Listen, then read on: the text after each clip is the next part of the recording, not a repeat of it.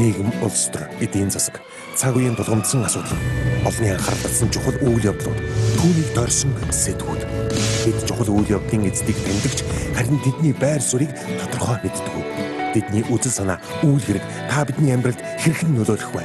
Энэ бүхнийг хар хайрцаг нөлөөлөхөөс хар хайрцаг Оройн төргийн хар хайрцаг нэвтрүүлгийн шин дугаар эхэлж байна. Одоогоор хичнээн эргэд орлогогүй болоод байна вэ? Цалингаа тавьж чадахгүй байгаа хичнээн аж ахуй нэгжүүд байгаа вэ? Хөл хорой энэ хэвээр үргэлжилвэл аж ахуй нэгжүүд болон бизнес эрхлэгчид ямар эрсдэлд орох вэ? Дээрх асуултад Монголын үндэсний худалдаа аж үйлдвэрийн танхимын ерөнхийлөгч Амар төвчин хариулт өгнө. Хар хайрцаг. За танд оройн төргий. За та бүхэнд бас бидний урлагийг хүлээн авч хүрэлцэн ирсэн их баярлалаа. Энэ бас хэцүү цаг үед амаргүй баг. Бид бас нэг студид иймэрхүү байдлаар янзалсан. Одоо нөхцөл байдлыг тохируулаад гаргаж байгаа дүрм журм тохицуулаад хаалт хийсэн байгаа. Харьцангуй бас одоо эрсдэл байхгүй гэж ойлгож байгаа учраас маскгүй ярилцж байна. За та бүхэн хар хайрцаг төлгээр өнгөрсөн хавар 5 сарын 7-нд ярилцсан. За тэрнээс өмнө ч бас ярилцсан байгаа. Тэгээд мэдээж энэ хөл хорионы үед бүгдөө эрүүл энх байх нь хамгийн чухал асуудал. А гэхдээ нөгөө талдаа энэ аж ахуй нэгжүүд за тэр тусмаа Монгол улсын эдийн засаг бас бат бөх байх нь чухлаа. Тэгээд би өнөөдөр таныг яг энэ сэдвээр ярилцахад ялангуяа энэ хатуу хөл хорионы цаг үед эдийн засгийн нөхцөл байдал тэр дундаа аж ахуй нэгжүүдийн бизнес эрхлэгчдийн нөхцөл байдал ямар байдалд орчод байгаа вэ гэдэг талаар ярилцгаа таны өрсөн баг. Би тэгээд нэвтрүүлэг эхлэхээс өмнө маш товчхон 2 3 асуултанд танаас хариулт авчмаар байна. За нэгд ажилгүйдлийн тоо ер нь хэр нэмэгдэж байгаа вэ? За мэдээж хүмүүс бол их хөвчлээ. За зарим нь бол яг ингээд ажилдаа явж чадахгүй байгаа. Зарим нь ажилдаа явахгүй байгаа гэсэн цалин авч байгаа бах. За зарим нь бол бүр цомхтолд ороод халагдсан байгаа бах. Тэгэхээр энэ ажилгүйдлийн тоо ерөөсөө тоолж гаргаж өгөхгүй байх шиг л санагдаад байгаа. Тэгэхээр та бүхний магадгүй хийсэн тооцоолол дээр а одоо саяхан нэг лайв хийсэн судалгаан дээр үнслээ. Тэрэн дээр 7600 хүн гэсэн. Тэгэхээр тэр 7600 хүн бол зөвхөн танаас судалгаанд оролцсон байгууллагуудаас авсан мэдээлэл гэж ойлгоод байгаа. Тэгээ энэ хугацаанд тодорхой 13 салбараас бусад бүх салбарууд тэг зогсд ийцэн байгаа шүү дээ. Тэгээ үзэхээр 855 мянган хүн ямар нэгэн байдлаар ажил төрөлдөө очиж чадахгүй байгаа. За энэ дотроо одоо эн чинь эхлээд 5 хоног, дараа нь 2-7 хоног тийм ээ. Энэ хугацаанд нийтдээ судалгаанд хамрагдсан компаниудын 28% нь цалингаа 100% тавьсан. Аа 31% нь нөө сул зохистын 60% өгсөн. 41% нь огт цалин өгч чадаагүй гэж. Энэ 41%-тэй хамааруулаад их олон руу тоогоо татаад үзэхээр нэг 153 орчим мянган ямар нэгэн байдлаар цалин орлого авч чадаагүй. Дээр нь хуурийн хөдөлмөр эхэлж байгаа хүмүүс нэмэгдэнэ. За тэгэхээр ингээд нэг 300 гаруй мянган ямар нэгэн орлогогүй болов хурцлаа гэсэн. 12 сарын 1 хүртэл тийм ээ. Нэгнээс цаашаа нөхцөл байдал хэрвээ 2-7 хоногор сунахаар бол энэ төвшөө нэмэгдэнэ. Тэгэхээр энэ багцаалдаад бодвол 300 орчим мянган хүн өнөөдөр ажилгүй юм уу? За эсвэл цалингүй орлогогүй байж байгаа цалингүй байж байна гэсэн үг. За яг танай судалгаа 3500 орчим аж ахуй нэгжийг хамруулсан гэдэг ингэсэн хэднээс хэдний хооронд хийсэн судалгаа вэ? Эхлээд энэ судалгааныхаа тухай нэг жоохон танилцуулах хэрэгтэй. Бид э, нийтдээ 3530 компани аж ахуй нэгж хуваараа одоо хөдөлмөр эрхлэгч хүмүүсээс судалгаа авсан байгаа. За 11 сарын 25-ны хүртэл үндсэндээ нэг бүтэн 2 өдрийн туршид явуулсан. За судалгааны төлөөлөл бол хангалттай сайн байгаа. Бүх салбарыг хангалттай хамарч чадсан. Жишээлбэл барилгын салбар судалгаанд 9% нь оролцсон гэсэн 300 гаруй барилгын компани, худалдааны компани 700 орчим гэдэг чинь ингээд тооцоод үзвэл бүх салбарууд бүрэн хамрагдсан байгаа. А цаашдаа энэ судалгааг салбар болгоноор нь яг тухайн салбарт ямар асуудал үүсчихэд байгаагаар илүү тодорхой гаргаж ирнэ. За өмнө бид яг энэ судалгааг 3 сар, 4 сар, 5, 6 сар гэж авсан. Энэ бол ингээд 5 дахь судалгаа нийт судалгаанд хамрагдсан хүмүүсийн өнөөдөр бол одоо 96% нь үйл ажиллагааны ямар нэгэн байдлаар хүндрэлтэй бодиттой нүр тулчлаа гэж харуулж байна. 3530-аас. Тий, 3 сард бол 57% байсан шүү дээ. Одоо 96%. Хамгийн бага өтөж байгаа мэдээллийн холбооны салбар нэг зайнаас ажиллаж байгаа ажиллаж болох боломжтой салбарууд байна. За уул уурхайн салбар харьцангуй учиртай байна. Тэгээд мэдээж тэгээд бүгдийн бид нэг үрчлэн задлж үзсэн байгаа. Тэгэхээр одоо бид цаашдаа яах вэ гэдэг асуудлыг. Тэгэхээр ер нь бол эрүүл байх ёстой гэдгийг бүгд бид бүгд ойлгож байгаа. Эрүүл байхын тулд хамгаал ямар нэгэн байдлаар зардал заашгүй гарна тийм ээ. Энийг яах вэ гэдэг. Тэгэхээр 100% эрүүл мэнд 100% эдийн засгийн хоёр зөв балансын барих тухайг л ойлголтыг өнөөдөр бид ярихгүй бол нэлээд цаг алдаад байна л да. Саяны тэр судалгааныхаа зарим мэдээлэл илүү дэлгэрүүлээд ярилцаамаар байна л да. Жишээ нь тэр цалингаа тавьж чад огт цалин тавиагүй гэсэн тэр слайдыг үзүүлэх бах. Тэрийгэ дахиад задлаад тайлбарлах. 41% нь бол огт цалин тавиагүй гэж шүү дээ. Тэгээ ер нь бол компаниудын Монголын аж ахуйн нэгжүүдийн эргэлтийн өрн бол өөрөө бага байдаг. За дээрэс нь энэ хаваржинга ерөнхийдөө 1 сарын 27-нд бид шуурд хилээ хаасан шүү дээ. За энэс хойш тодорхой хэмжээнд хөл хорионы дэглэмжл бид амьдарчлаа тийм ээ. Тэгэхээр энэ зуны одоо компаниудын үйл ажиллагаа бол аль хэдийн одоо дагуулццооцсон байсан. 9 сард хөл хорионы дэглэм суларсантай холбоотой эдийн засаг харьцангуй сэргсэн 9 10 сард сэргэлт ажиллагдсан. Хоёрхан сар шүү дээ. Тийм хоёрхан сар. Буцаад одоо хамгийн гол орлого болдог 10 11 11 12 сар ингээд үндсэндээ хүнс болоод имээс бус салбар хийж зогсдгийг чинь гэдэг бол маш хүндэлтэй. За тэгэхээр яагаад 41% цалингаа тавьж чадаагүй юм? Ерөөсөө өдрийнхөө орлогоор л урсгал зардлаа санхүүжүүлж явдаг. За банкнаас энэ 100 компаниуд нэг нийт судалгаанд хамрагдсан компаниудын 63% нь эргэлтийн өрнгийн нэмэлт санхүүжилт хүсэж банкнд хандсан байна. А банк тэдний дөнгөж 25% нь зээл болгосон.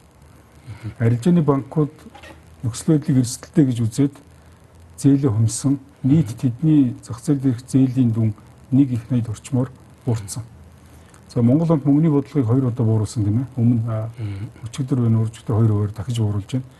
Хоёр хувиар бууруулахад ер нь л онлоор бол зах зээл дэх мөнгө нэмэгдэх ёстой шүү дээ. Эсрэгээр нэмэгдсэн байгаа.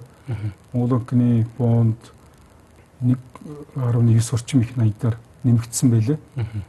А тэгэхээр компани аж ахуйн нэгжүүд иргэдийн гар дээрх одоо мөнгө бол нэлээд хөнгөгдсөн гэсэн үг. А тэгэхээр эргэлтийн өрөнгүүд чинь өвөл ажиллагааны орлого байхгүй.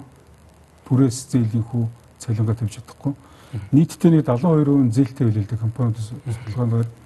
Тэгэхээр тэр зээлтэй компанид одоо ер нь цаашдаа яаж хэвийн үйл ажиллагаа хангах вэ гэдэг. Ер нь бол энд ийм хоёр сонирхолтой статистик байгаа. Чухал. Аж ахуйн нэгжүүд одоо өөрт байгаа одоо байгаа нөөц хөрөнгөөрөө ажлын байрыг юу хэр удаа хадгалах вэ гэж байгаа. 53% нь бол сар хүртэл гэж байгаа. Тэгээд 3 сар хүртэл 31 нь үндсэндээ бусд нь бол тэгээд учиртай. Тэгэхээр ихэнхдээ 80 гаруй хувь нь ингээд ажлын байрыг хадгалж чадахгүй. Тэгэхээр эн чинь үндсэндээ хүмүүсээ одоо 20 цэрийн дэглэм хэвийн мултал цалингүй байлгах гэсэн болчихж штэ.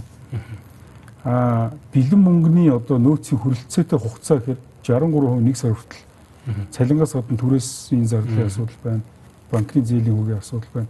Бусад төлбөрүүд байна тийм ээ. Аа 3 хүртэл сар ихэр 27 үндсэндээ нэг 90 гаруй хувь нь төлбөрийн чадвар маш сул.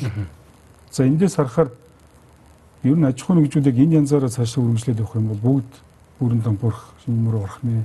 Цаана төлбөрүүд хүлээгдэж байгаа маш олон зүйл байгаа шүү дээ. Энэ дотор хамгийн эрсдэлтэй эмзэг нь ажлын байр. 12 сарын 1 хүртэл хичнээн хувийнтээс ч үлдэх вэ. 12 сарын 1-ээс хойш одоо хөл хорой сунгасан тохиолдолд 14 хоногор ч юм уу сараар ч юм уу хэд хувь вэ гэсэн тийм тооцоолол охин хийсэн байсан л та. Тэгээ энд э, ер нь 12 сарын 1 хүртэл жишээлх юм судалгаанд орсон компани 25% нь ажлын байранда цомгтол хийцэн гэж хариулсан. Яг энэ 3500 э, компани цомгтол хийсэн 2500% аваад үзэх юм бол 7600 орчим ажлын байр хасагдсан байгаа. Энийг нийт одоо 90 гаруй мянган компанид хувиргаад үзэх юм бол шилжүүлээд тооцох юм бол 150-д мянган хүн ямар нэгэн байдлаар халагдсан гар дээр мөнгө авах боломжгүй болсон гэсэн үг. За 12 сарын 31 хүртэл одоо нэмж хөл хориг сонгох тухай ярьж штэ. Хэрвээ ингэх юм бол нийт судалгаанд орсон 46% нь ажлын байраас шууд одоо сонгогдол хийнэ гэж байна. Угаасаа цалингаа тавьж чадахгүй юм чинь тэгээд өөр арга байхгүй штэ. Тэгэхээр нийтдээ нэг 430-аад мянган хүн одоо ажилгүй болох нь ажилгүй гэдгийн цаана орлогогүй болох нь. Тэгэхээр энэ бол өөрөө Монголын одоо нийгэм эдийн засагт асар том нөлөө үзүүлнэ. За тэрнээс цаашаа хизээ хүртэл сунгах вэ гэдгийг бид бас хэлж мэдэхгүй шүү дээ. дахиад энэ тоо 500 мянга хүртэл 3 сарын 91 хүртэл үл өсөж байгаа. Зөв нөхцөл байдлыг анзаарах юм бол одоо 2-7 хоног хүртэл 20-д шинэ жил мэдээ шинэ жилийн хөдөлгөөнийг хязгаарлахыг л хүсэх байх л та. Дараа нь цагаан сар. Энэ хоёрыг дамж хязгаарлалтууд хийх. Хязгаарлалт гэдэг чинь өөрөө эдийн засгийн харилцааг бүхэлдэн зогсоож байгаа хэрэг шүү дээ тийм ээ. За ингүүл яах вэ? Одоо өөрөөр хэлэх юм бол шинэ жил ер нь бол шинэ жил гэдэг бол хэрсэлтэй үе. Ерөнхийдөө шинэ жил тэмдэглэхийг бол хориглосон байж байгаа. Мэдээж хатуу хөл хорой байх хэсгийг одоохондоо мэддэггүй. Айгүй бол цагаан сар чинь өөрөө бас бид нар айл хонороор явдаг. Өнгөрсөн жил бол цагаан сарыг бас хориглосон. Аа мөн одоо энэ хатуу хөл хорой үргэлжилчүүл одоо та нарын судалгаанд хамрагдсан жишээ нь 3530 бизнес эрхлэгчид болоод аж ахуйн нэгжүүдээс хэд нь үлдэх юм бэ? Энэ үлдэх юм ер нь бол одоо тэр 65 орчим хувь бол цаашдаа өөрийгөө санхүүжүүлэх ямар ч боломжгүй гэж байна. Эндээс ингээд зүгээр та нар энд бас нэг хавцуулсан судалгаа байгаа л да. 12 сарын 1 хүртэл бол орлого нь 90-с дээш хувиар буурсан 54% нь орлого нь 90-с дээш хувиар буурсан гэсэн үндсэндээ ямар ч орлогогүй болсон гэсэн үг шүү дээ. За энэ аж ахуйн нэгжүүдийн хуримтлал бол их бага юм байна. Бараг 60 гаруй хувь нь сар өрөхгүй нөөцтэй юм байна шүү дээ тийм ээ. Тэгэхээр сараас цааш бол эдгээр нэгэн үгийгээд мөнгө байхгүй учраас энэ компани үндсэндээ үйл ажиллагаанд дампуурна гэсэн үг шүү дээ. А энэ дампуурж байгаагийн цаана төдий тооны ажлын байр ажилчид буюу иргэд орлогогүй болно гэсэн. За 10 сарын 31 хүртэл сум гэвэл нэг 60% юм байна. Тэрнээс цааш 3 сарын 1 хүртэл гэвэл нэг 63% бүрэн дампуурсантай ялгаагүй болох нэ. За үүний дараа яаж буцаад эдийн засгаас сэргээх вэ? За энд бид нар аж ахуйн нэгжүүдээс гадна хуваарь бизнес эрхлэгч гэдэг маш том бүлэг байдаг тийм ээ. Өсчөнгөө сахаа ажиллаулдаг одоо наран тул дээр ажиллаж байгаа гэдэг чинь жижиг худалдаа. Энэ судалгаанд хамрагдсан хүмүүсээс илүү өндөр цохилт энэ хүмүүст ирчээд байна. Энэ хүмүүс судалгаанд уу? Нийтдээ тэдний 72% нь 91-ээс дээш хувь борлуулалт алдсан гэдэг чинь 10 хүний 7 амьдрах өмч боломжгүй болсон гэсэн. Ер нь 4 сард явуулсан судалгааг санаж байгаа бол иргэд ер нь өнөөдөр ингээд ажилгүй боллоо гэхэд хэд хоногийн хоолны мөнгөтэй байна гэж бид судалгаа хийсэн шүү дээ. Тэгэхээр 72% нь нэг сар хүртэл. Одоо тэр мөнгө шахагчлаа тийм ээ. 14% нь нэг 90 хоног хүртэл гэсэн байсан. Тэгэхээр яг одоо энэ нөхцөлөд энэ дээр дахиад давтагдж байгаа. Энэ дотор хамгийн хөртдөг хэсэг нь хувийн хөлбөмбөлөгчтэй. Тэгэхэд бол үндсэндээ өнөөдрийнхөө орлогоороо амьдралаа залгуулдаг хэсэг байдаг. Тэгэхээр хувимтал бол том баг ихэнх нь зээлтэй 50 хүртэл сая бараг бүгд 50 хүртэл сая төгрөгийн зээлтэй зээлийн хүү түрээс цалин гэдэг зүйл дээр амьдардаг. Тийм айхтар өндөр ашиг орлоготой биш юм бүлэг байгаа шүү. Энэ бол яг үннийг хэлэхэд төрд хамгийн бага дарамт үзүүлдэг нийгмийн том бүлэг байгаа гэдэг. Тэгэхээр бусад улс оронд бол энэ хэсэгтээ бол бас хамгийн түрүүж анхаардаг юм билээ л дээ. Энд чинь их олон ажлын байрыг бий болгодог өөр дээрээ. Энэ хэсэг байхгүй болчоор уцаад л нийгмийн халамжийн зардал, бусад зардлууд дагаад шууд нөгөө талд өгсөн шүү дээ. Хамгийн одоо бизнес эрхлэлт чи тулгамдж өнөөдөр тулгамдж байгаа хамгийн том бэрхшээл нь юу юм бэ? За энд хамгийн том хүндрэл гэдэг. Тэгэхээр нэгдүгээрт ажлын байраа хадгалах, ажилчдынхаа цалинг тавих гэдэг асуудал яг өнөөдөр бол хамгийн том зовлон болсон байна. Өнөөдөр 30 жил хувийн хвшлийн ажиллаж ирлээ гэж ярьж энэ дотор тодорхой янз бүрийн хугацааны туршид ажилласан байгаа. Ямар нэгэн хамт олон баг бий болсон тийм үү. Тэгэхээр компани ч нэг нэгд орлогогүй болсон тэр хүмүүсээ явуулах хэцүү, явуулахгүй хэцүү. За ингээд сул зохистын мөнгө өгөөдөө ихээр санхүүгийн нөөц байхгүй тийм ээ. Тэгэхээр энэ ажилчдынхаа цалин тавих бол хамгийн хүнд байна. Дараагийн асуудал зээл, банкны зээл яг өнөөдөр бол зогсохгүй байгаа шүү дээ. Тэгэхээр э, банкныхаа зээлийн хүүг хэрхэн яаж төлөх, үндсэн зээлээ хэрхэн яаж төлөх гэдэг асуудал тэдний дараагийн том хүндрэл байна. А тэгээд э, энд нэг сонин зүйл орж иж байгаа өмнөх өмнөх саруудад энэ судалгаанд гарч иж байгаагүй төр засгаас гарч байгаа шийдвэрийн ойлгомжгүй уялдаа холбоогүй байдал маш том асуудал үүсэж байна. Бараг 17 гэж их өндөр байна шүү дээ. Шийдвэрүүд хоорондоо уялдаа холбоогүй нэг хэсэг нь болно нөгөө хэсэг нь болохгүй гэж байна. Тийм. Яг гэж байгаа нь мэддэхгүй байгаа тийм. Хөдлөр хамгаалаа сахиад байгаа гэхээр зарим хэсэг нь үгүй байгаа тийм. А одоо хүмүүсийн завхууд дээр нэгэн л одоо ингээл контакт өндөр ажиллаж болоод байгаа бол бусад тэрнээс илүү нийслэл багтаа салбарыг шин яаж ажиллуулах боломжтой. Энэ жишээ нь ингээд бид хаалт хийгээд орон зай одоо тийм 4 м хотуудынхаа зайг барьж ч юм уу хөдөлгөөн хамгааллын дэглэмээс ахиж болж штэ. Банкрот ажиллаад байгаа штэ. Банкуд ажиллаж болж. Тэгэхээр ийм яагаад гэдэг маш олон асуулт тодорхойгүй учраас иргэд аж ахуйн хэмжээ маш хүндэлтэй байна. За тэгээд тэрний дараа бол түрээсийн төлбөрүүд байна. За яг одоо төр сая засгийн газар нэг тогтоол гаргасан. Тэрнэн дээр бол түрээсийн зардлыг хэрэг бууруулах юм бол татвараас нь иргэн тооцно. Энийг гэхдээ ер нь тэгж хөндрүүлээл хэд хэд үе шат болгоод амир юм л. Тэр ерөөсөө л тодорхой үеийн 50% ч юм уу даана гэл ингээл явчвал эрсдлийг түрээслэгч дай 3% гэж хавраас ярьж байсан шүү дээ. Тэр тодорхой үеийн даачхаа эрсдэл нөгөө нэг түрээслүүлсэн тодорхой үеийн даачийг түрээслэгч өөрөө бас тодорхой үеийн даачийг. А ер нь тэгээд нэгэн л бүх нийтийн хөл хорио юм бол бид нэг нийтээр шийдж болох хэдийн байгаа шүү дээ. Жишээ нь цахилгаан дулаан түнтэй холбоотой асуудлыг төр ер нь өөр дээр нь 3 сар авчаа.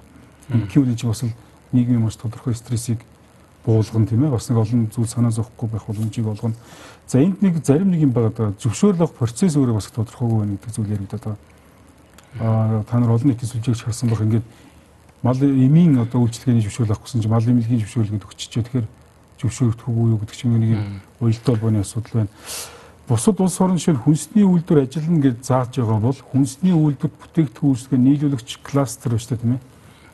Ажиллах хэрэгтэй байна л да. Тэгэхгүй болохоор бусд нь ажиллахгүй хүнс дангаар ажиллана гэж тийм өнөөдөр тийм одоо тийм уялдаа холбоо уялдаа холбоог зүйл гэж байхгүй шүү дээ. Энэ сав баглаа маш олон бүтээгдэхүүн түүх үйдийг нийлүүлнэ шүү дээ. Үйлчлэгээ засвар үйлчлэгийг үзүүлнэ. Тэгэхээр тэр кластераа хамтдаа ажиллахгүй бол бас тоглолт гард юм байна. Ингээд за яг энийг нэг талаасаа бол бид анх удаа бүхний төлөөрөнд орж байна. Тэгэхээр бас ойлгож болно. Гэхдээ шийдвэрийн маш түргэн шуурхай байдлыг хангах хэрэгтэй. Тэр утгаараа бид судалгаа хийгээд үүн дээр суурилсан саналыг байнга өгж хамтарч ажиллаж байгаа гэдгийг бас хэлхийг хүсэж байна энэ уялдаа холбоогүй тодорхойгүй байгаа байдал бол хамгийн энгийн тэр машины QR код төр байна л та. Одоо манай байгууллагын гайгүй QR код авъя гэхээр хариуцж байгаа үнэн тодорхойгүй байдаг 5 6 утасны дугаар байдаг. А манайх бол авцсан байгаа. Гэхдээ ерөнхийдөө бол үзэгчдээс юм олон нийтээс маш их гомдол гаргаж байгаа. Зөвхөн одоо машины QR код төр шүү дээ. А мэдээж бусад олон зохион байгуулалтын дээр бол бас иймэрхүү эмх замраагүй байдал юм учир нь олдохгүй байдал уялдаа холбоогүй байдал бол нэлээд их ажиглагдж байгаа. За хамгийн их нэрвэгдэж байгаа гэх юм уу. За бид бол нэвтрүүлгээр урд нь ярьж ирсэн. За аялал жуулчлалын салбарыг бол хөрхи одоо бараг ярих ч хэцүү болсон баг. За ер нь бол энэ тэг төсөлтийгээд айгүй олон сар болчихсон. За зун бол зарим нэгэн одоо аялал жуулчлалын дотоодын аялал жуулчлал тодорхой хэмжээгээр ажилласан сэргсэн баг. За тэгээд гадны аялал жуулчлал бүр байхгүй болсон.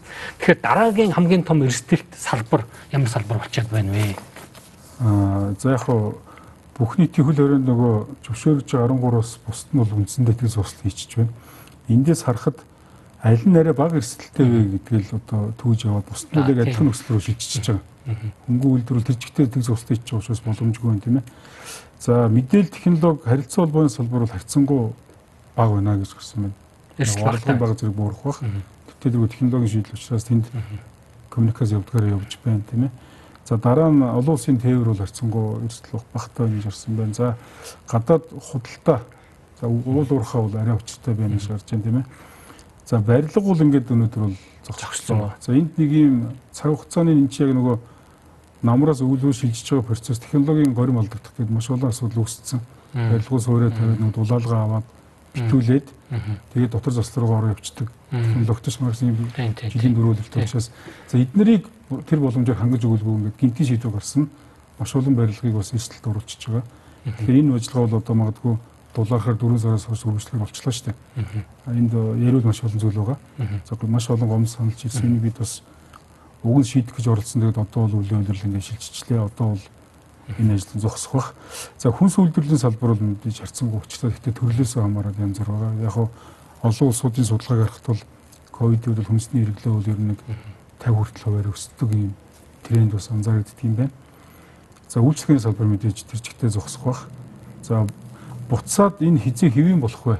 Тэгжээж бусад нөгөө үлдэж байгаа салбарууд нь дагаж сэргэн сэргэн. Тэгэхээр бид бол ер нь яг хуу энэний хоёр дахь хэсэг бол хэрхэн үе шаттай бизнес бизнесийг сэргээх вэ гэдэг саналыг танилцуулж байгаа. Ер нь бид нэг 5 үе шат байх юм байна.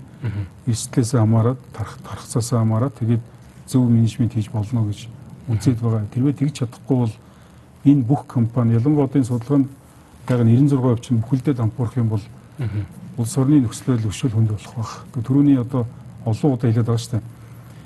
600-аад хүн ковидын халдвар авжээ. Одоогор нас барал тэг байгаа. Тийм ээ Гэтэл Монголын одоо юу гэдгийг халдвар тус өвчтний одоо нас баралтын хувь маш өндөр улс шүү дээ. Автор гэдэг ч юм уу дээрэс нь одоо бусад агаар туслын замаар зүгээр ханаа дээр менежмент гараа хөнл нас орчдөг ийм кейстэй ш. Тэгэхээр ер нь бүх эрүүл мэндэд ер нь ингэж анхаарах хэрэгтэй байсан юм уу гэдэг ингээд яавал маш олон зүйл байна. Буцаад энэ бүгдийг бид ямар өртгөөр хамгаалаад байгаа юм бэ? хамгаалж байгаад эргээд харсан чинь нөгөө нэг хамгаалаад байгаа зүйл нь өөрөө ингээм амьгүй болсон байх үү те. Бүхэлдээ. Тэгэхээр энэ мэдээж загварчлалыг, оновчлалыг бүхэл ус хороо хийж байна. Бид бас хийх ёстой. Тэгэхээр энийг хийгээд зөв үе шаттайгаар нэгт бол бүрэн дүүрэн боломжтой гэж томьёолж байгаа.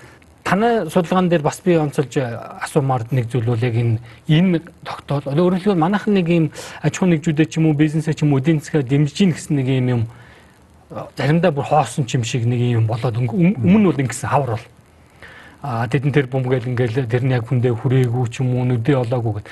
Тэгэхээр аж ахуй нэгжүүд саяны 5 сарын 18-нд гаргасан энэ 183 дугаар тогтоолоор гарсан 23 зүйлийг хэр үр өгөөчтэй үр дүнтэй байна гэж үзсэн юм бэ танаас судалгаагаар.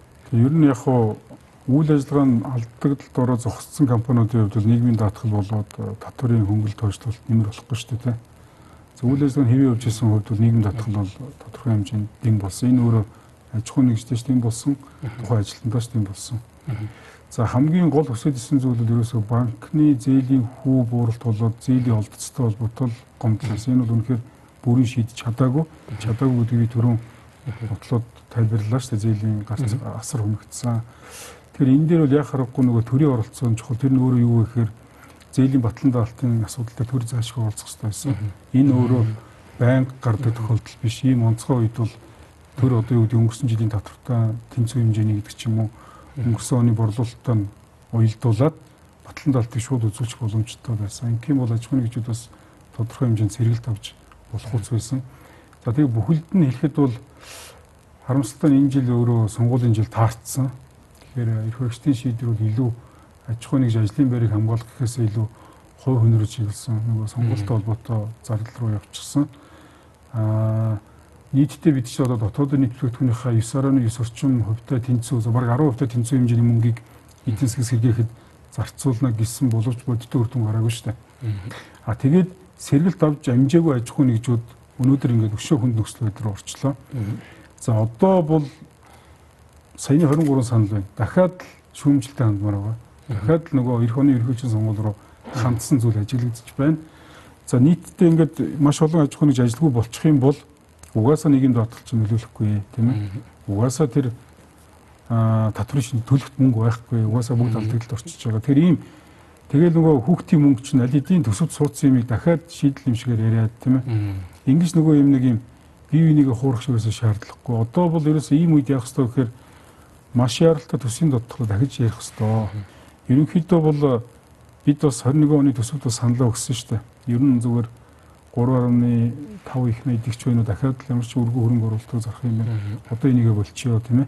Энүүгээр аж ахуй нэгжүүдэд ажлын байр хадгалахад дэмжийе.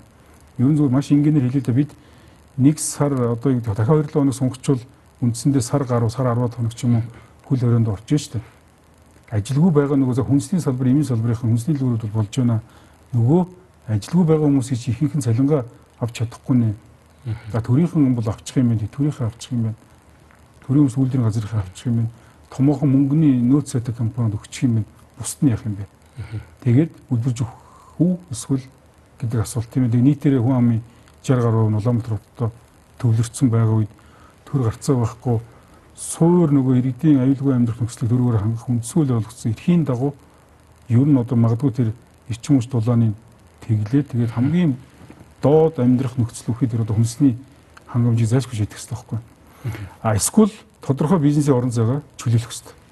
Тэгжиж нөгөө иргэдээ ажилтаа байх, амьдрах орон зайг бий болгож өгөхгүй бол энэ уялдаа холбоогүй шийдвэр чинь ингээд маш олон дахиад нөгөө асуултууд чинь араасаа дагуулдаг шүү дээ. За яг бизнесийг хэрхэн одоо сэргээх тухай тав хүний саналыг бид нэвтрүүлгийнхаа дараагийн хэсэгт дэлгэрэнгүй танилцуулъя гэж бодоод байгаа. Тэрнээс өмнө танаас нэг зүйл одоо янз бүрийн санал санаачлага гараад л явж байна л да. Ерөнхийлөгч бол төсөв торог тавьсан. Тэрнээс гадна ерөнхийлөгч бол юу гэж хэлсэн бэ? Айл болгонд нэг сая төгрөгийн. За 200 мянга нь бол бэлнээр, 800 мянга нь ваучтаар ингээд хүнсний толон маягийн болох нэг. Энэ хэр мэдээж маш их мөнгө болно. Энд айл болгоно ингээд явах. Энэ хэр зөв шийдвэр байх юм бэ? Засгийн газар бол энийг зөвшөөрөөгүй уучлаарай ийм мөнгө байхгүй гэж хэлчихсэн байгаа. Ер нь бол э, бид э, одоо бол вакцины асуудал бол нэлээд нааштайгаар яригдчих байна тийм ээ. Гэхдээ яг Монгол дотоод нөгөө DHL McKinsey эдгээр хийсэн судалгаагаар бол нөгөө дотооддоо түгээх нь бас хүндрэлтэй л гэж нөгөө хадгалах нөхцөл нөхцөл гэж ярьсан л гэлээ л дээ. Гэхдээ нааштай байгаа. Максимум хугацааг бид магадгүй 6 сар гэж харах бол яг энэ 6 сард яаж хамгийн бага эрсдэлтэйгээр явах вэ гэдэг оновчтол бодох ёстой шүү дээ. Тэгэхгүй гэрээсээ гарахгүй байх ёстой гिचингүүтээ яаж тэгвэл хоол ундаа залуулахын шийдэхгүй байж болохгүй шүү дээ тийм ээ. А тэгэхээр төр шийдвэр болгоныхаа өртөг төр зардлаа зайлшгүй санхүүгийн мөнөөс болцоо тооцож явах хэрэгтэй. За яг ийм цаг үед өргөн хөрөнгө оруулалт хийх нь өөр утгагүй юм аа гэдэг зүйлийг. Та тэр айл болгон 1 сая гэдгийг хэлж гин үү? Үгүй би бол төсвийн үргэлгэн байдлыг энд шүүмжлэмээр байна. Нөгөө одоо манай сонгуулийн тогтолцоотой холбоотой, игчил болсоо сонгуультай холбоотой. Огтын тийм ээ шаардлагагүй маш хөрөнгө оруулалтууд Монгол улсын 330 сумаар харж байна шүү дээ. Энэ цаг үед энийг зарцаая. Эндээс зарцаагаад хэмэлт бий болгоод энэ төрийн албаа агчдын жишээлбэл одоо энэ цаг үед захимжуулъя, зарим магадгүй цомгтголд оруулах тийм ээ. Тэр зүйлээс ажлын байр дэмжихэд болжтойгоор дэмжлэг үзүүлье. Аа ерөнхийлөгчийн саналыг би нэгэнт хөл хорио магадгүй 1 сар юм уу 2 сар үргэлжлэх тохиолдолд төр иргэдэд хамгаалах хэрэгтэй гэдэг дээр саналын энэ бол ялч байхгүй бүтэн хөл хорионы үед өөр ямар шийдэл нэгэнт аж ахуй нэгж мөнгөгүй юм байна. Цалин өгөхгүй юм байна. Тэгэхээр энэ төр өөрөө ийм үед ард иргэдэд хамгийн дөрвөлж хамгаалах хэрэгтэй шүү дээ тийм ээ. Тэгэхээр бол энэ санал бол өөрөө өөр альтернатив хувилргүй ингээд хаана л гэж байгаа бол хамгийн зөв шийдэл тэр шүү дээ. Хаахын цаана уг нь хаах хүртэл ч маш олон опшн байх хэрэгтэй шүү дээ. Үе шаттай, ховчлоо тооцсон, эрсдлийн тооцсон тийм ээ. А бид бол тэр бусад саналуудыг бол санал болгоод байгаа. Яг энийг би асуусан гол шалтгаан нь манайхныг хавтгааруулчих гээд байдаг талтай л да. Ялангуяа янз бүрийн сонгуулийн юм. Тэгээ ерөнхийлөгчийн сонгуулийн нүүдэл юм болов гэж харж байгаа юм. Ерөнхийлөгчийн сонгуул утахгүй болох гэж байна. Зөвөр айл болгоно нэг сая гэж яхаар тэр хүнд байдалд орцсон одоо айл өрхүүд маш олон байгаа шүү дээ. Яг бүр одоо нийгмийн даатгал төлдөггүй өдөр тутмын нэг ойр зүрийнхаа одоо юу гэдгийг ар сар зүйлээр хоолоо болгодог хүмүүс ч байж байгаа хүн нөхцөлд орцсон маш олон улсууд байгаа. Тэднэртэй илүү хүн зүйл юм бол шууд ингэж э, тооцч болж байгаа. Тэтгэврийнхэн бол тэтгэвэр авна шүү дээ. А тэдэн дээр ер нь бид судалгааг үзэхээр нэг тэтгэврийн хүн авж байгаа тэтгэвэр нь амьдралдаа хүрж ийн гэдэг судалгааг бас хийж үзсэн. Ойролцоогоор сард нэг 67 мянган төгрөгөөр дутдаг юм байна. Тэрийг ямар нэгэн байдлаар тэтгэврийн зээл аваад амьдралаа залгуулдаг юм.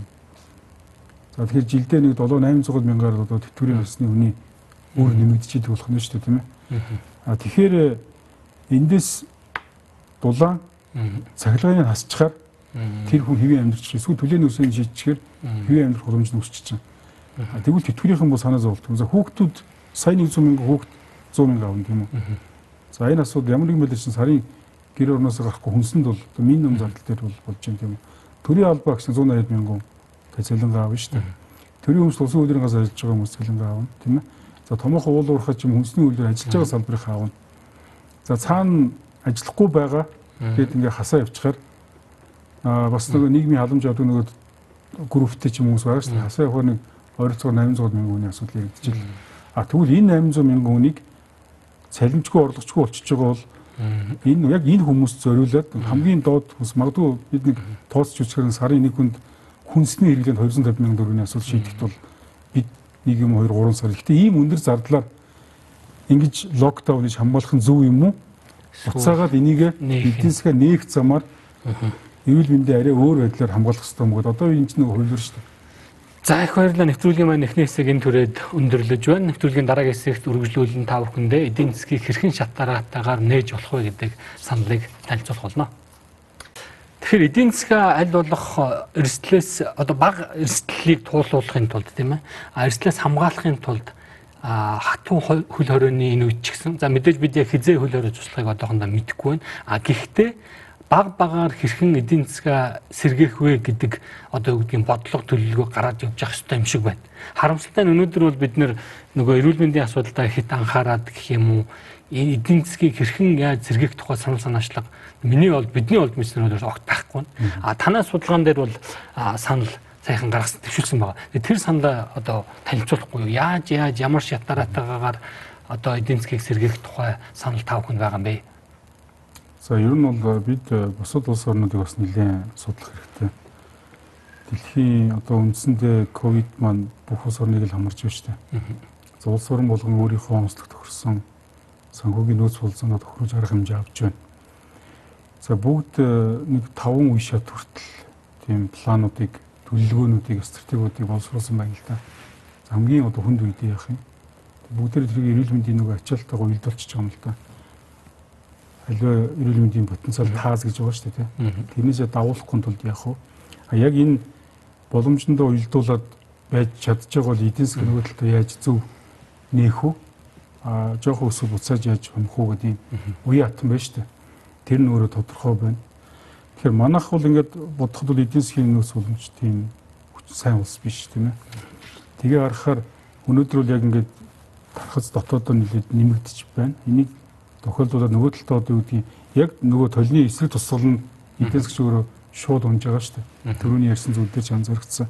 Тэгэхээр энэ үед улс орон болго өөрийнхөө төлөвлөгөө бид тэгэхээр одоо яг Монголын орчинд тохирсон бас төлөвлөгөөг боловсруулах шаардлагатай байна. Тэгэхээр энэ саналыг бид холбогдох одоо эрх хөргөчдөд танилцуулаад байгаа юм. Ер нь бол бизнес идэвхжлээ яаж зөв нээх юм зөв авах юм. Нэг зүйл ойлгомжтой шүү дээ. Төр өөрөө өөрийн мэдэл дээр байгаа улсын өмч төрийн өмч төвлөрийн газруудыг ажилуулад, уурах уурхаг ажилуулад тэндээс бий болж байгаа мөнгөөр энэ ажилгүй болох тэр 855 мянган хүнийг амьдруулах нь асар өндөр өртөгтэй биш үү? Хизээ хүртэл гэж явах уу? Чадахгүй шүү дээ. Буцаад тэр олон компани дампуурчих юм бол нөгөө төсөв яаж бүрдэх үү? Чи бүх юм өөрийн хоорондоо хамааралтай шүү дээ. Тэгэхээр аль алийг нь тооцох хэрэгтэй. Яг одоо үзүүлж байгаа график та жоохон тайлбарлаад. Энэ графикаас ингээд та бүхэн харах юм бол өнөөдөр бид бол яг A1 цэг дээр байна л да. Дотоод тархалт нэмэгдсэн. За энэ яг эсрэг тусгал нь B1 үе эдийн засаг дээр бүрэн хөл хорой тавьчлаа. За энэ B1 дээр бол одоо юу гэдгийг төрийн шийдвэр зөвхөн эмзэг үлгийн хүмүүс дээр үйлчлээд шүү дээ. Одоо хоолгүй хүмүүс тоол үгүй. Тэг чи маш бага хэсэг шүү дээ тийм. А яг 11-ийн B үе одоо юу гэдгийг бизнесийнхэн ажилгүй болох гэж байгаа тэр нэг том масс буюу 400 500 мянган хүнийг яах вэ гэдэг нь одоогор бодсон зүйл алга шүү дээ. За тархалтын бүхэл одоо график харахад бол өргөл үедээ өргөл буцаа буурж байгаа тийм. Буурах үедээ бид яах юм? А бараг тэврүү төгсөн үед яах юм гэдэг ийм нэг 3 4 зарчмын том стратеги планууд бий болох хэрэгтэй. Тэгээ энэ дээр бол яг ер нь бол бид бол бизнесүүд нэг манад бол нэг 21 салбарын нэг 660 гаруй төрлийн одоо нэг 5 855 мянган ажлын байр байдаг юм байна. Энийг эрсдэл багтаагаас эрсдэл өндөр хүртэл ангилж байгаад тэгээ нэг 5 бүлэгт хуваагаад үе шаттай нэгэн зүйтэй юм байна. Гэхдээ ингийн тулд одоо бол одоо юу гэдэг хөдөлмөр одоо эрүүл ахуйн хамгааллыг бол ихэвчлэн төрийн байгууллагууд нэг шаардаад л шүү дээ. А тухайн бизнес эрхлэгч рүү аль болох асуудлыг ачааллыг хуваалцъя. Үнэхээр одоо 20 үнэтэй компани ихэнх нь тийм байгаа тийм ээ эрүүл ахуйн орчноос би зөв сэхэд ажлаа явуулмаар байна гэж байгаа бол энэ дүрм журм гарын алгыг л мөрдчихөө гэдэг зүйлийг л хэлэх гээд байна л да. Ингэж чадах юм бол хин хин аюулгүй байж болох юм байна тийм ээ.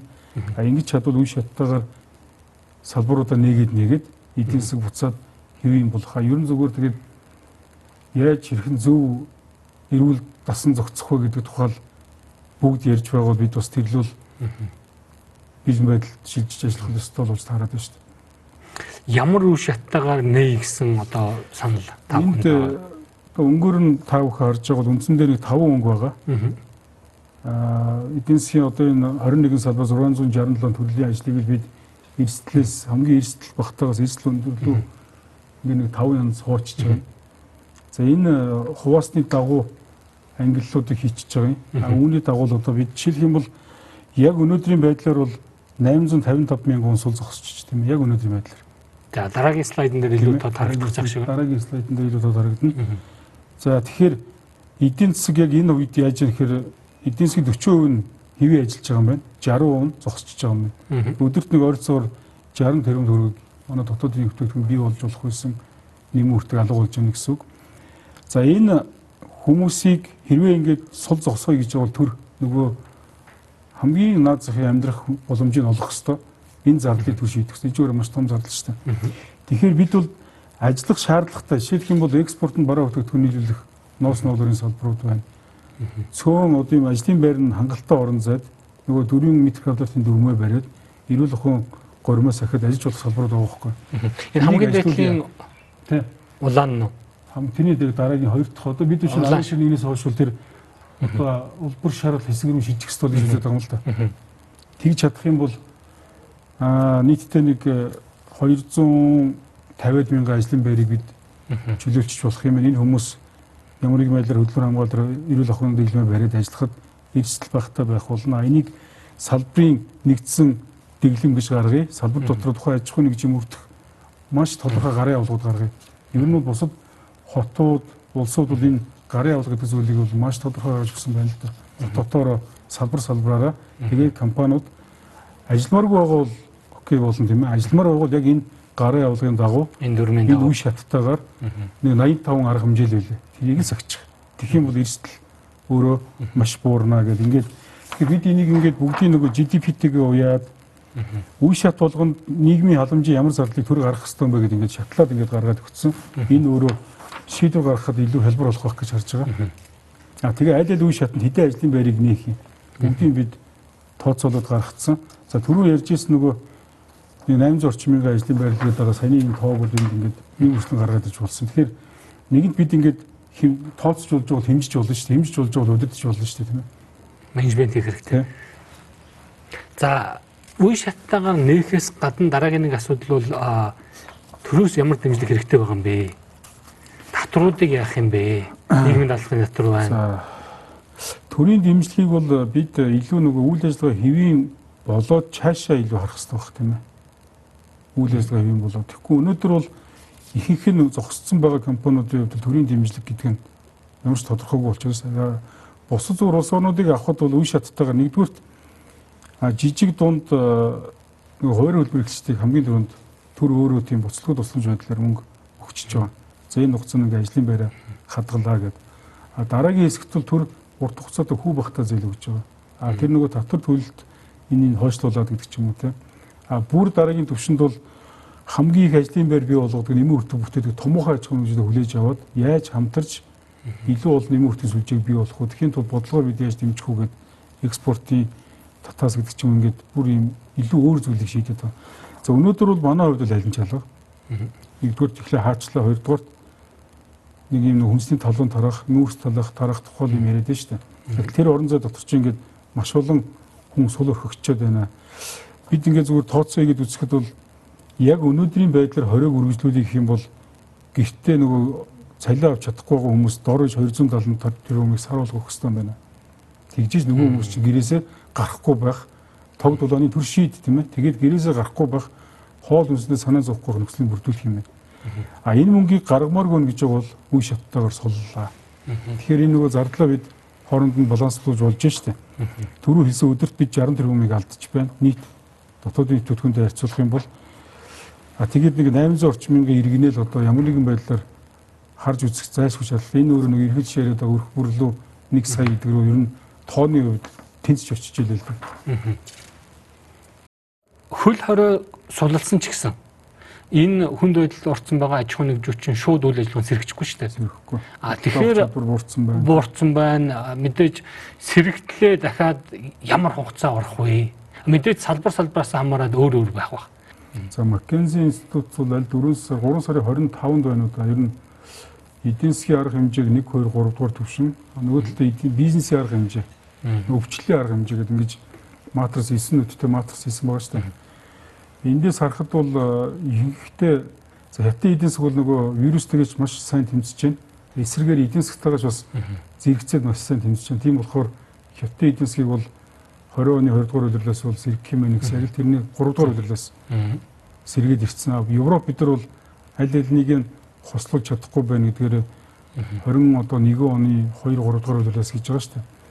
Тэгэхээр энэ одоо яг бидний засгийн газрууд хувийн хвшлийн хамтын ажиллагаанаас маш их зүйл хамаарна.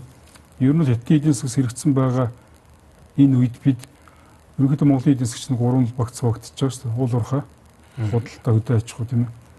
Тэгэхээр энийг л тойрж бид амьдарч байгаа шүү. Тэгэхээр уул уурхайгаа өшөө илүү нэмэгдүүлэх боломж олцсон байна.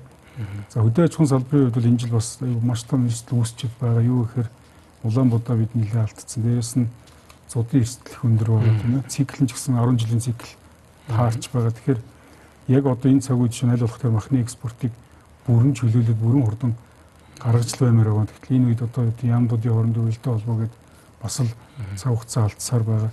Тэгэхээр энэ бид хэр хурдан хугацаанд сэргийлэх вэ гэдг нь ерөөсөө энэ төр хувийн хвшлийн түншлэлийн хамтын ажиллагаанаас хамаарна. Ер нь бол ийм үед аль болох ажлын байрыг маш хурдтай дэмжих компани үйл ажиллагааг хэвийн болгох нь чухал болохоос биш татвараараа дарамтлах сүүлдээ одоо юу гэдэг аж ахуйн 20 онд ингээд хэвээ маш хүнд байж байгаад 9 сар 10 сараас дөнгөс хэрэгсэн шүү дээ. Маш олон компани дансыг татврын ерхий газар хаасан. Маш олон компани данснаас мөнгөний шууд татсан. Яагаад гэвэл татврын угаасаа тасалтаад ирнэ шүү дээ. Угаасаа эдийн засаг хүмүүстээ ирэхээр компанид үйл ажиллагаа унаад ирнэ. Төсвийн орлого биелэхгүй, төсвийн орлого биелүүлэхэд бол хүчээр ийм захиргааны арга хэмжээ авч ирсэн. Маш бүдүүлгээр нөгөө үйл ажиллагаа одоо компьютер компаниуд бүгд буцаад доголдоод ирж байгаа шүү дээ. Тэр ийм үед бол бус тус орнд бол энэ татврын хөнгөлтийг бол нэлээд зөрөгтэй хийх хэрэгтэй. Тэр тэргүй зүгээр л төсвийн зарцуулалтын үр ашигаа сайжруулах хэрэгтэй. Түүнээс орлого тэртээ тэргүй бууншдаг бүгд доголдчихж байгаа компани татвар төлж чадахгүй шүү дээ. Тэгэхээр энэ бодлогын шийдвэрийнхээ уялдаа холбоог зөв болгоод илүү экспортоо дэмжих гадны өнгө орлогоо татах дотоодын аж ахуйн нэгж илүү ажлын байр тэд бол бидний үүрэг бараг ажлын байрал хангалттай хадгалах нь тэдний хамгийн үүрэг байхгүй. Тэгж чадахгүй бол уцаа төрд ямар хэмжээний дарамт ирж болохыг би бас энд харууллаа тийм. Яг албан ёсоор дампуурлаар зарлцсан хичнээн компани байдаг юм бол тийм тоо Монгол байдаг юм лөө. Монгол улсад албан ёсоор дампуурлаар зарлсан 31 компани байдаг шүү дээ. Манай дампуурлын хууль маш муу маш сул. Одоо юу гэдгийг Дэлхийн банкны гаргадаг нөгөө өсөлт чадварын судалгааны индекс байгаа шүү дээ. Тэрүүгээр одоо дүүийн бизнес индекс гэж байна. Тэрүүгээр бол одоо төлбөрийн чадваргүйдлийг тогтоох гэдэг төр манайх маш сул байдаг шүү дээ. Компани дампууруулж болдоггүй. Дампууруулж болдоггүй зомби маягийн 50 60 мянган компани үйл ажиллагаа явуулж байгаа гэж яриад байгаа шүү дээ. Дампуурдагчгүй. Тэгэхээр ер нь иймэрхүү ийм нэг бүртгэлжүүлэх тодорхой байх гэдэг асуудлыг би цаашдаа ярихгүй бол үнэхээр боломжгүй. Энэ хугацаанд дампуурлын тухай хуулиар 30 40 компани л дампуурсан байна. Тэгээд дампуурсан ба дампуураагүй мэдж болдог. Одоо барууны ертөнцид бол Миний үйл ажиллагаа хүндрэлээгүй би шууд дампуурлын хуулийн дагуу материалыг бүрдүүлэх өгч шүү дээ. Маш олон эрсдлээс би өөрийгөө хамгаалж болдог тийм. А манад ийм соёлж тогтоогүй хууль эрх зүйн орчинч бүрдээгүй.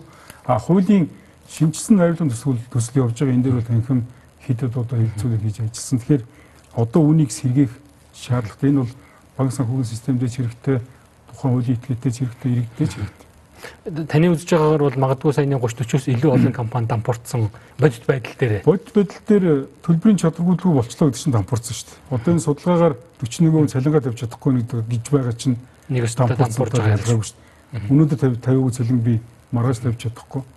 За тэгээд сарын дараа үйл ажиллагаа ер нь манайх нэг юм аа хуулийн этгээд маань нэг тийм нэг уламжлалт тусмаа гэж ажиллаж байгаа. Сарын дараа буцаага дууддаг нөгөө хүмүүс нь байх уу байхгүй тийм.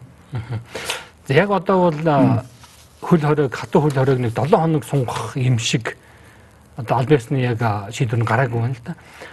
Зүгээр 7 хоногор сунглаа гэж бодоход одоо аж ахуйн нэгжүүдэд бизнес эрхлэгчдэд ямар тодорхой хүндрэлүүд бий болох вэ? Тэгээ нөгөө тогтмол зардлууд аж ахуйн нэгждэр бол тогтмол зардал гэж ойлголт байдаг. Тогтмол зардал бол гардгаараа гарна шүү дээ. Дулаан цахилгаан одоо юу гэдгийг түрээс ч юм уу те. Урсгал зардлуудаа хувьсгал зардлуудаа бол мэдээж хямж болно. За гадагшаа бүтээгдэхүүн экспортлдог компаниудын хувьд уул уурхаан бус жишээ нь ноолорын салбарт маш хүнд байгаа. Гэрээний үрж өчгдөд эхэлчихэж байгаа. Тийм ээ. А гэрээгнийхээ үүргийг биелүүлэхгүй бол торгуул санкц алдаг төлн дээрээс нь ер нь гадагшаа бүтээгдэхүүн экспортлож маш урт удаан хугацааны хөдөлмөр байдаг. Энэ болго үгүй болно. Тэгэхээр энэ дээр бас бид ер нь бол одоо шилхэн энд ийм хөслөлт байгаа шүү дээ. Бид ийм 5 үе шатыг санал болгоод байгаа. 12 сарын 1-ээс жишээ нь A гэдгээс B рүүгээ шилжих хэвээр. B гэдэг нь өөрөө бол онлайн болон зайнаас ажиллах боломжтой хөдөлмөр хамгааллын одоо аюулгүй байдлыг сахиж болох компаниуд экспортын компаниуд үйл ажиллагааг сэргээе. А B-гээс C рүү орох юм бол арай өөр бусад одоо боломжтой салбаруудыг нээ гэдэг ч юм уу тийм ээ. А тэгээд D, E, E гэвэл одоо юу гэдгийг бүх юм хийм болох тухай шүү дээ. Тэгэхээр ингэж Зүгээр вирусын тархалтайч харсан тийм нэг э, урлаг соёлын арга хэмжээндэр бөөнөрө цугулсан, караоке дээр бөөнөрө цугулсан, төрсөн үдээр бөөнөрө цугулсан л бол тэнд илүү голомт үүссэн болохоос биш. Ажил дээр байж байгаа зархацсан. Тэгээ нэг 4 м квадратын ажлын дүрмээ бариад агаржуулт сайн байгаад ерөөсөө маска зүү гараа байгаа агаржуулт сайтай болго зайгаа барил гэдэг байгаа шүү дээ. Энийг мөрдөх юм бол аж ахуй нэгжийн ажлын байран дээрх одоо юу гэдгийг вирус тархалтыг бол хянах боломжтой гэдгийг бол бүгд л өнөөдөр мэдээлэлс авч байгаа. Тэгээд Инкинд бол яах ёстой юм бэ гэдэг ийм таван үе шаттай саналыг бид дэвшүүлээд байгаа. Салбараа тав уучи. А тэгээд яг тухайн салбарын тухайн компани эрхэн нэгдэж байгаа бол энэ таван үе шатын дагуу тэр нөгөө бэлтгэл ажлаа хангая. Дээрэс нь ажлуудаа очих одоо орон зайгийн зөв болгож өгье. Нийтийн орчныг нь зөв болгож за хэрвээ халдвар илрүүл яах вэ гэдэг ингээд за энийгээ цааш нь дахиад бид гарын алгуулгал задлаад байгаа юм л да. Дараах одоо 85 шатаараа дарах хэмжээг л дор бүрнээ анхаарчих юм бол тухайн компани удирдлага одоо илүү хариуцлагатай байж ажлаа явуулж хийж байгаа бол тэр нэг 20 хүн 50 хүнээ зөв одоо юу л охин гурамд ажиллуулъя. А салбар нь өөрөө салбарынхаа онцлогийг тусгаад боловсруулж гэж ийм энэ тав үе шатыг санал болгоод байна. За энэ таван үе шатыг за тав хүн маш олон бизнес эрхлэж эрхлэгчд болоод аж ахуйн нэгжүүдийг төлөөлж байгаа гэдэг үгнээс би асуучих. Хизэнээс нэмэр байгаа юм бэ? Хизэнээс нэг болцоо. Нэгнээс нэх хэрэгтэй. Үе шаттайгаар нэх хэрэгтэй. Магадгүй шинэ жилийн эрсдлийг бид тооцож шинэ жилийн эрсдэл байгаа учраас олон нийт төрсний газрыг бол болоогүй шүү дээ зүгээр ноолрын үйлдвэр шиг барилгын үйлдвэр ажиллаж байхад бол тэнд барилгын одоо дотор засал явж байхад бол тэнд саяны гормыг мөрдөөд аюулгүй ажиллах боломж нь байгаа шүү дээ тийм ээ.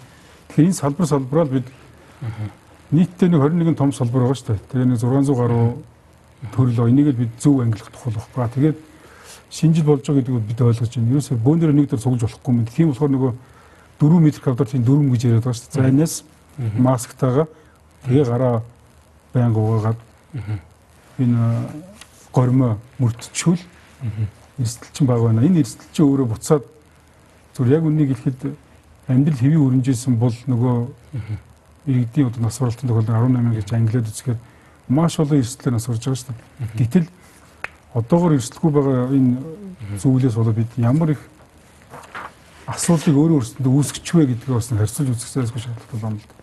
2021 оны Монгол улсын эдийн засгийн төлөвийг тавхан яаж. Яг тэгэхээр энэ олон бизнес эрхлэгчид аж ахуйн нэгжүүдийн ард Монгол улсын эдийн засаг санхүүгийн төлөв байдал гэдэг асуудал харагдана, яригдана. Тэгэхээр нь бол 21 онд Монгол улсын эдийн засаг ямар шүү байдалд орох бол хэр удаашрах бол хэр уналтанд орох бол манай нэг 13 тэрбум доллар эдийн засгч өөр их жижиг юм л да. Маш жижиг. Манай эдийн засгийн төрөө хэлсэн гол салбар бол ерөөсөө уул уурхай. Гэтэ эдийн засгаа дагаад маш хурдан өснө, эсвэл маш хурдан. За түүнийгээ дагаад бусад одоо салбартын салбарт нөлөөлнө тийм ээ. За өдөө аж ахуйн салбар бол 30% гэдэг нөгөө малчид болоод газар тариалан тэгэл мах байгаа шүү дээ. Бид энийг хэрхэн зөв нэмэн өртөг шингээж экспортлох уу? За тэр энэ хоёр салбарын өсөлт ч өөрөө бусад салбараар дэмжиж чинь. Тэгэхээр энд бол одоо юу гэдгийг ямар байх нь өнөөдрийн засгийн газар хувийн хөгжлийн хамтын ажиллагаанаас хамаарна.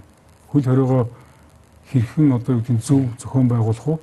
Үе шаттайгаар нээх үү эсвэл энэ чигтээ ингээд хатуу хөл хориогоо ямар ч шийдэл гаргахгүй хүлээх одоо юу гэдэг юм хаах гэдэг шийдвэр чинь хамгийн анхны шийдвэр шүү дээ. Хаян хийж энэ тэрийг хийж чадна тийм. А хаах хүртлээ ямар ямар зөв менежмент хийж болох вэ гэдэг чинь өөрөө төвийн болон хувийн хөгжлийн хамтын ажиллагааны үр дүнд бий болж болох хууль руу багхгүй. Юм тэгээд Өнөөдөр бүх улс орон за вирусын үеийг яаж зөв даван туулах? Хамгийн эрсдэл эрүүл мэндийн өвчтөр эдийн засгийн өвчтөр хамгийн эрсдэл багтаар зөв даван туулах уу? За бараг тэгрүү дөхөх үед яаж эдийн засгаа маш эрчимтэй сэргээх үү гэдэг юм хоёр зүйл дээр ажиллаад байна. Тэгээд нөгөө аюулгүй левелээ хараад 1 2 3 4 5 өдөр жишээлх юм бол Герман ч юм уу Солонгос улсыг шууд заагаад өгсөн байж өдөрт тэдэн тохиолдолд дээш гарах юм бол нэг алхам сайж одоо чангаруулъя А тэр хүрхгүй бол нэг алхам солируулъя гэдэг ингээд уян хатан зохион байгуулалтыг хийж болоод байгаа. Нэгэнт өвчл вирус туслаа гэхэд бол эмчилж болоод байгаа юм байна шүү дээ. 50% нь ерөөсөө ямар нэгэн шинж тэмдэггүй юм байна. За 40 50% нь зүгээр одоо энгийн байдлаар эмчилж болоод байгаа юм байна. А тийм юм бол буцаад нөгөө талдаа тооцоолыг бид хийж болно. Бүгдийг ингээд нэг юм зүгээр л хаахан зөв яаж гэдэг ямар нэгэн шийдлгүүгээр ингээд асуудал хандах нь өөрөө үнэхээр уч байгаа юм л да. За их баярлалаа хар харцын хөтөлбөрийн өнөөдрийн дугаарыг түрээд өндөрлөж байна. Бидэнд хамт байсан үзэгч тавхандаа баярлалаа. Баяртай үзэгчтэй. За